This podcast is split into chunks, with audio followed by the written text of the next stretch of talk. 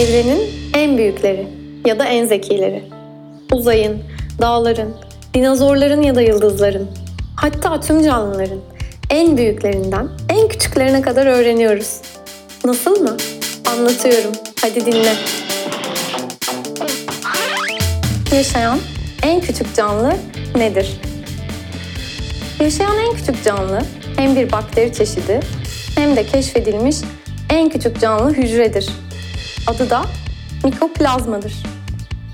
Mikoplazma, hücre duvarı bulunmayan bir bakteri cinsidir. Mikoplazmalar şimdiye kadar keşfedilmiş en küçük canlı hücrelerdir.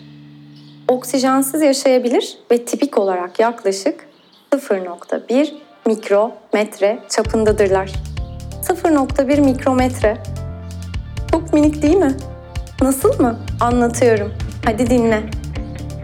Mikoplazma, antik Yunanca'da mikes yani mantar ve plazma formunda biçiminde olan iki kelimeden türetilmiştir. Bu isim ilk olarak biyolog Albert Bernhard Frank tarafından 1889 yılında kullanılmıştır.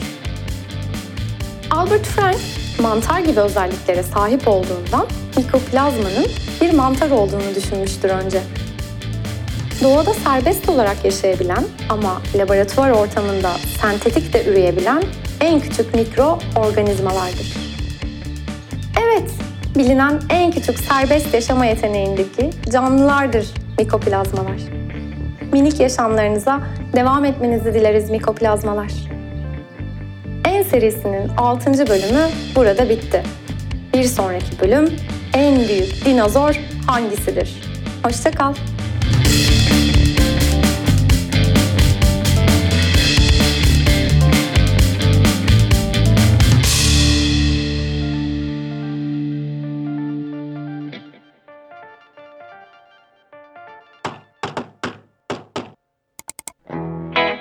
Medyapod'un podcastlerine Spotify, Google Podcast, iTunes ve Spreaker üzerinden ulaşabilirsiniz.